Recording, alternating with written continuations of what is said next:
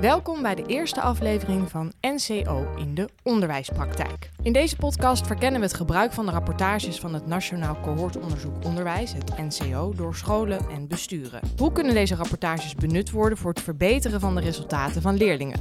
Maar voordat we echt van start gaan, staan we eerst even stil bij wat het NCO is en waar de rapportages over gaan. Het Nationaal Cohortonderzoek Onderwijs maakt slim gebruik van bestaande data. Daardoor wordt het onderwijs minder belast voor onderzoek. Via het NCO hebben scholen toegang tot rapportages die laten zien hoe hun leerlingen presteren ten opzichte van vergelijkbare scholen. De zogenoemde reguliere rapportages zijn er voor alle scholen voor basisonderwijs, speciaal basisonderwijs en voortgezet onderwijs. Deze rapportages geven inzicht in de doorstroom en achtergrondkenmerken van leerlingen. Aangemelde scholen voor basisonderwijs en speciaal basisonderwijs krijgen daarnaast leergroeirapportages. Deze geven inzicht in de cognitieve vaardigheden van leerlingen op het gebied van begrijpend lezen, spelling en rekenen of wiskunde. Deze podcast wordt gepresenteerd door mij, Malou van der Starre, freelance journalist. En vandaag ben ik te gast bij Terrence Honing van het Alkwin College, een school voor voortgezet onderwijs in Uithoorn, waar onderwijs wordt aangeboden op HAVO- en VWO-niveau. We gaan het vandaag hebben over hoe hij de NCO-rapportages inzet op zijn school. Welkom, Terrence. Dank je hartelijk. Leuk om er te zijn. Uh, ik wil even beginnen met een uh, supersnelle voorstelronde. Ik stel jou een paar korte vragen die je mag beantwoorden met de eerste gedachte die in je opkomt. Echt lekker kort, dus één woord. Vooruit, een paar woorden mag misschien ook wel. Ben je er klaar voor? Helemaal klaar. Wat is je favoriete vak om te geven? Geschiedenis. Wat is de grootste uitdaging op school? Leerlingen motiveren. Wat is de beste herinnering aan je eigen schooltijd? Ik zat in een schoolbandje. Oeh, dat klinkt uh, goed. Zeker. Favoriete onderwijsmoment van dit jaar? Diploma-uitreiking gisteravond. Oh ja, dat is mooi. En wat motiveert jou nou het meest in het onderwijs? Dat is die ene leerling die er zonder jou niet had gekomen. En is die er elk jaar? Ieder jaar heb je daar drie of vier van. Dat betekent ook dat de rest er wel zelf komt. Maar die ene, die doet het toe. Daar doe je het voor. En hoe ontspan je na een drukke schooldag? Ik ga lekker naar de sportschool. Heel gezond. Nou, dan heb ik een beetje een idee met wie ik hier aan tafel zit. En naast het lesgeven heb je ook nog andere taken op jouw school. Wil je daar eens wat over vertellen? Ja, dus ik geef twee vakken, geschiedenis en maatschappijleer. Um, ik ben daarnaast nog taalcoördinator, ik ben onderwijscoördinator en ik ben uh, datacoach van het HAVO-team. Ja, dat datacoach, kan je daar eens wat meer over vertellen? Wat is dat precies? Ja, we hebben een datateam. Dat zijn uh, drie mensen. Eén vanuit applicatiebeheer, die richt uh, Magister in. Dat is ons uh, programma voor de cijfers. En dan hebben we twee datacoaches. Eentje voor het VWO-team en eentje voor het HAVO-team. Ja, en wat doen jullie dan precies? Um, er komt bakken met data komt er binnen uh, op school. Uh, cijfers, maar ook uh, de geboortedata, de doorstroomgegevens. We verzamelen van alles. Ja, en wij zijn een soort mijnwerkers, zou je kunnen zeggen. Wij gaan op zoek naar al die data. we maken dat inzichtelijk voor de collega's, maar ook voor de schoolleiding. Uh, en proberen dan het gesprek te laten gaan over, uh, over die data. En dat kan van cijfers gaan tot doorstroomgegevens, uh, examenresultaten, noem maar op. Heb je dan ook iets met data? Ben je daar dol op? Um, ik heb naast geschiedenis ook onderwijskunde gestudeerd. Dus een sociaal wetenschap. En daar heb ik geleerd dat getallen iets kunnen zeggen over de werkelijkheid. Dus ja, ik ben naast historicus ook wel een heel klein beetje gek op in ieder geval statistiek van de wiskunde. Ja. En kan je iets concreets noemen over hoe jullie die data dan gebruiken hier op school? Um, na iedere toetsweek, en we hebben de toetsweken van de onderbouw tot en met uh, de bovenbouw, sturen we de uh, gemiddelde resultaten van een vak, maar ook voor een jaarlaag en per docent rond naar de secties. En ik geloof dat iedere leraar weet van zichzelf. Ik had een 6,2 voor mijn toets gemiddeld. Maar voor een sectie om te zien, hé, hey, als geheel staan wij een uh, 7 gemiddeld. Terwijl uh, bij Spaans gemiddeld van een 6 is. En de 7 was over bijvoorbeeld Frans. Dan kunnen de secties met elkaar in overleg. hey, hoe kan het dat een leerling gemiddeld een 7 haalt voor Frans en een 6 voor Spaans? Uh, klopt dat? En zelfs op het niveau van een docent. De ene docent had een dikke 6,5 en de andere docent een 5,5 in zijn groep. Dan kan ook dat gesprek aangegaan worden van, nou, is er een verklaring? En dat kan natuurlijk in de klas zitten. De ene klas is minder sterk dan de andere. Maar het kan ook wel eens in de aanpak van de docent zitten. Cijfers met als doel dat wij als vak professionals daarover gaan nadenken. En kan je misschien een voorbeeld noemen van iets wat jou is opgevallen door zo in die data te duiken? Um, nou, het is bijvoorbeeld opgevallen dat het, uh, het VWO relatief hoge cijfers geeft.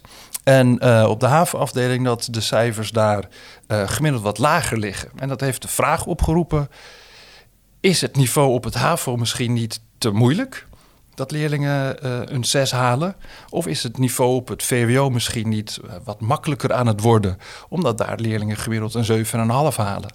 In mijn beeld hoort iedere leerling op het juiste niveau ongeveer een 6,5 te staan. Dus dat viel op.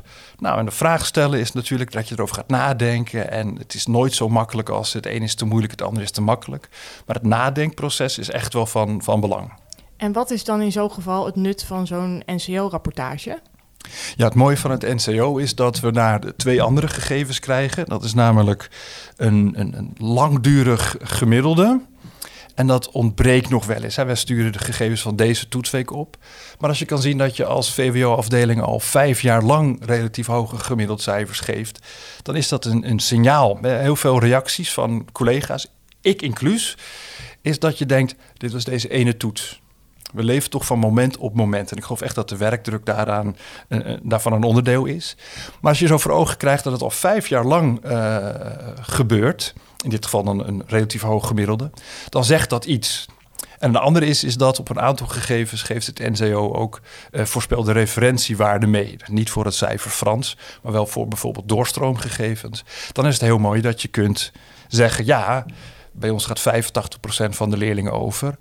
Maar landelijk is dat 90. Want 85% als gegeven zegt ons niets. Ja, dat 15% blijft zitten. Maar dat zegt ons niks over de vraag: is het dan goed of slecht?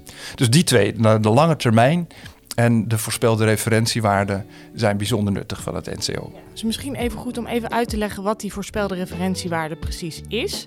Je hebt het landelijk gemiddelde, gewoon het gemiddelde van bijvoorbeeld alle VWO-afdelingen in Nederland. En dan heb je de voorspelde referentiewaarde. Dat is de verwachte score voor jouw eigen VWO-afdeling op basis van jullie leerlingenkenmerken en schoolkenmerken. En zo kan een school zien hoe zij scoort ten opzichte van een fictieve school met precies diezelfde leerlingenpopulatie en schoolkenmerken. En dat geeft dan een eerlijkere en betekenisvollere vergelijking dan alleen dat landelijk gemiddelde. Nou, dan weten we dat ook weer. Die NCO-rapportages zijn één keer per jaar beschikbaar. Uh, kan je eens vertellen wat je dan doet met de informatie uit zo'n rapportage? Ja, zodra ik hem uh, binnenkrijg, ga ik en mijn, uh, mijn collega op het VWO uh, nemen die rapportages door. Ehm, de rapportages zeggen je of je opvalt op bepaalde gebieden. Dus niet negatief of positief, maar het zegt het valt op, het is anders. en op basis van al die grafieken die we dan voorbij krijgen, maken we een presentatie voor de schoolleiding. En we hebben ons al twee jaar uitgenodigd om dan op zo'n schoolleidingsvergadering langs te komen en dit te presenteren.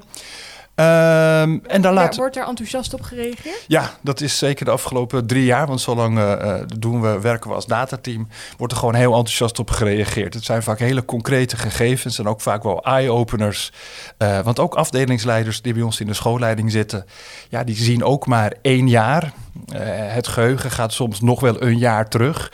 Maar acht jaar terug en dit soort grote patronen, die worden vaak niet gezien. Nee.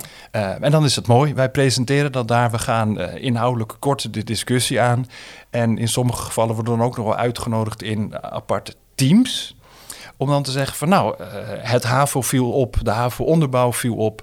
Om in die teams dan ook met de collega's het gesprek aan te gaan over die gegevens uit het NCO. En uiteraard aangevuld met kennis uh, die we hebben of uh, cijfers op het, uh, op het Alkwin zelf. Nu ben ik natuurlijk heel benieuwd naar een heel concreet voorbeeld hiervan. Nou, wat bijvoorbeeld opviel de afgelopen rapportages is dat relatief veel leerlingen met een VWO-advies bij ons in de HAVO-bovenbouw zitten. En dat is een opmerkelijk gegeven. Uh, je kunt je van alles daarbij afvragen. Geven de basisscholen een veel te hoog advies hier? Um, maar dan externaliseer je het een beetje. Dus ja. ik probeer dat heel erg te vermijden. We kunnen ook bij onszelf op school kijken. Ik had het zelf al, of net al over die relatief hoge cijfers op het VWO. Misschien is ons VWO niet uitdagend genoeg. zou je kunnen stellen. Het is ook maar een hypothese en we zijn echt op dit moment hiermee bezig als, uh, als school om daarover na te denken.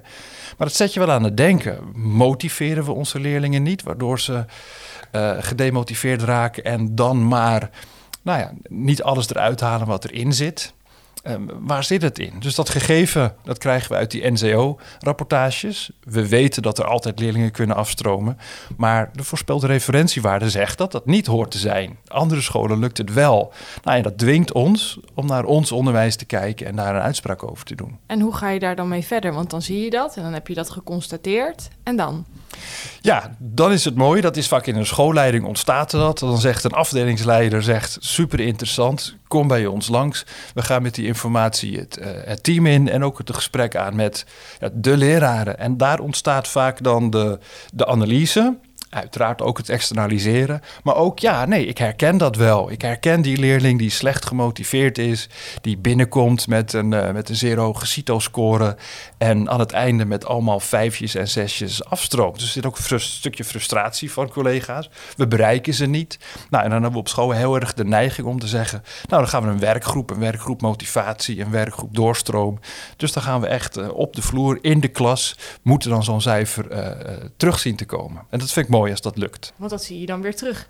Als het goed is in de volgende rapportage. Dat zien we uh, zeker. Als er, als er veranderingen zijn, vinden we dat uh, weer terug. Ja. En heb je misschien nog een voorbeeld van hoe je zo die data goed kan gebruiken?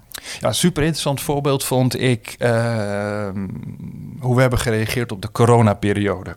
We zien dan de doorstroom van de afgelopen acht jaar en hoe gemiddeld Nederland uh, dat dan doet. En dan zien we in dat jaar 2019, 2020, iedere docent zegt dan meteen dat was dat verschrikkelijke thuiswerkjaar. Ja, ja. Uh, en daarin zien we dat we op school bijzonder hebben gereageerd. Bijzonder? Het VWO is namelijk uh, heel erg soepel geweest in een overgangsnorm.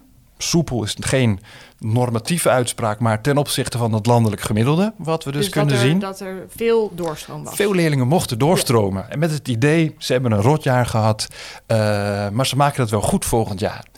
Um, meer dan het landelijk gemiddelde. Dat is opvallend.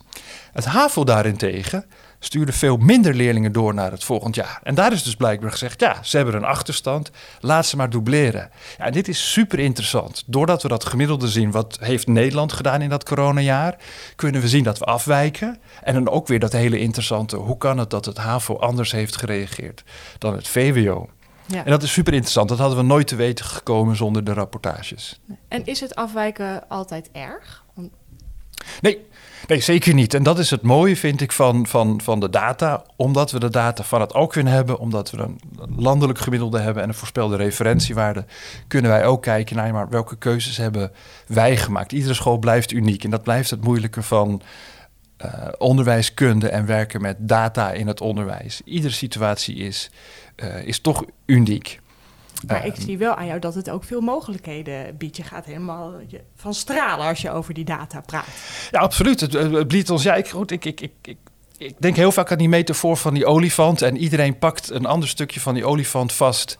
En hè, de ene zegt het is een slang en de andere zegt nee, het is een toren. Of um, onderwijsdata brengt zoveel samen. Wat we allemaal in ons vak doen. En iedereen doet echt keihard zijn best om goed les te geven in natuurkunde, in scheikunde, in zijn mentoraat.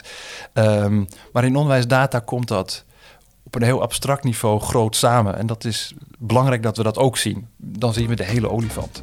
Ik vond het echt heel erg leuk om te horen. Dank voor het uh, uh, vertellen, want we zijn alweer aan het einde gekomen van deze aflevering. Dus dank Terrence Honing voor je tijd, voor het delen van je ervaringen, inzichten en adviezen. En natuurlijk bedankt aan onze luisteraars voor het luisteren. We hopen dat deze aflevering jullie heeft geïnspireerd om op jullie eigen manier gebruik te maken van de NCO-rapportages in jullie onderwijspraktijk. Wil je nou meer uitleg of nog meer inspiratie?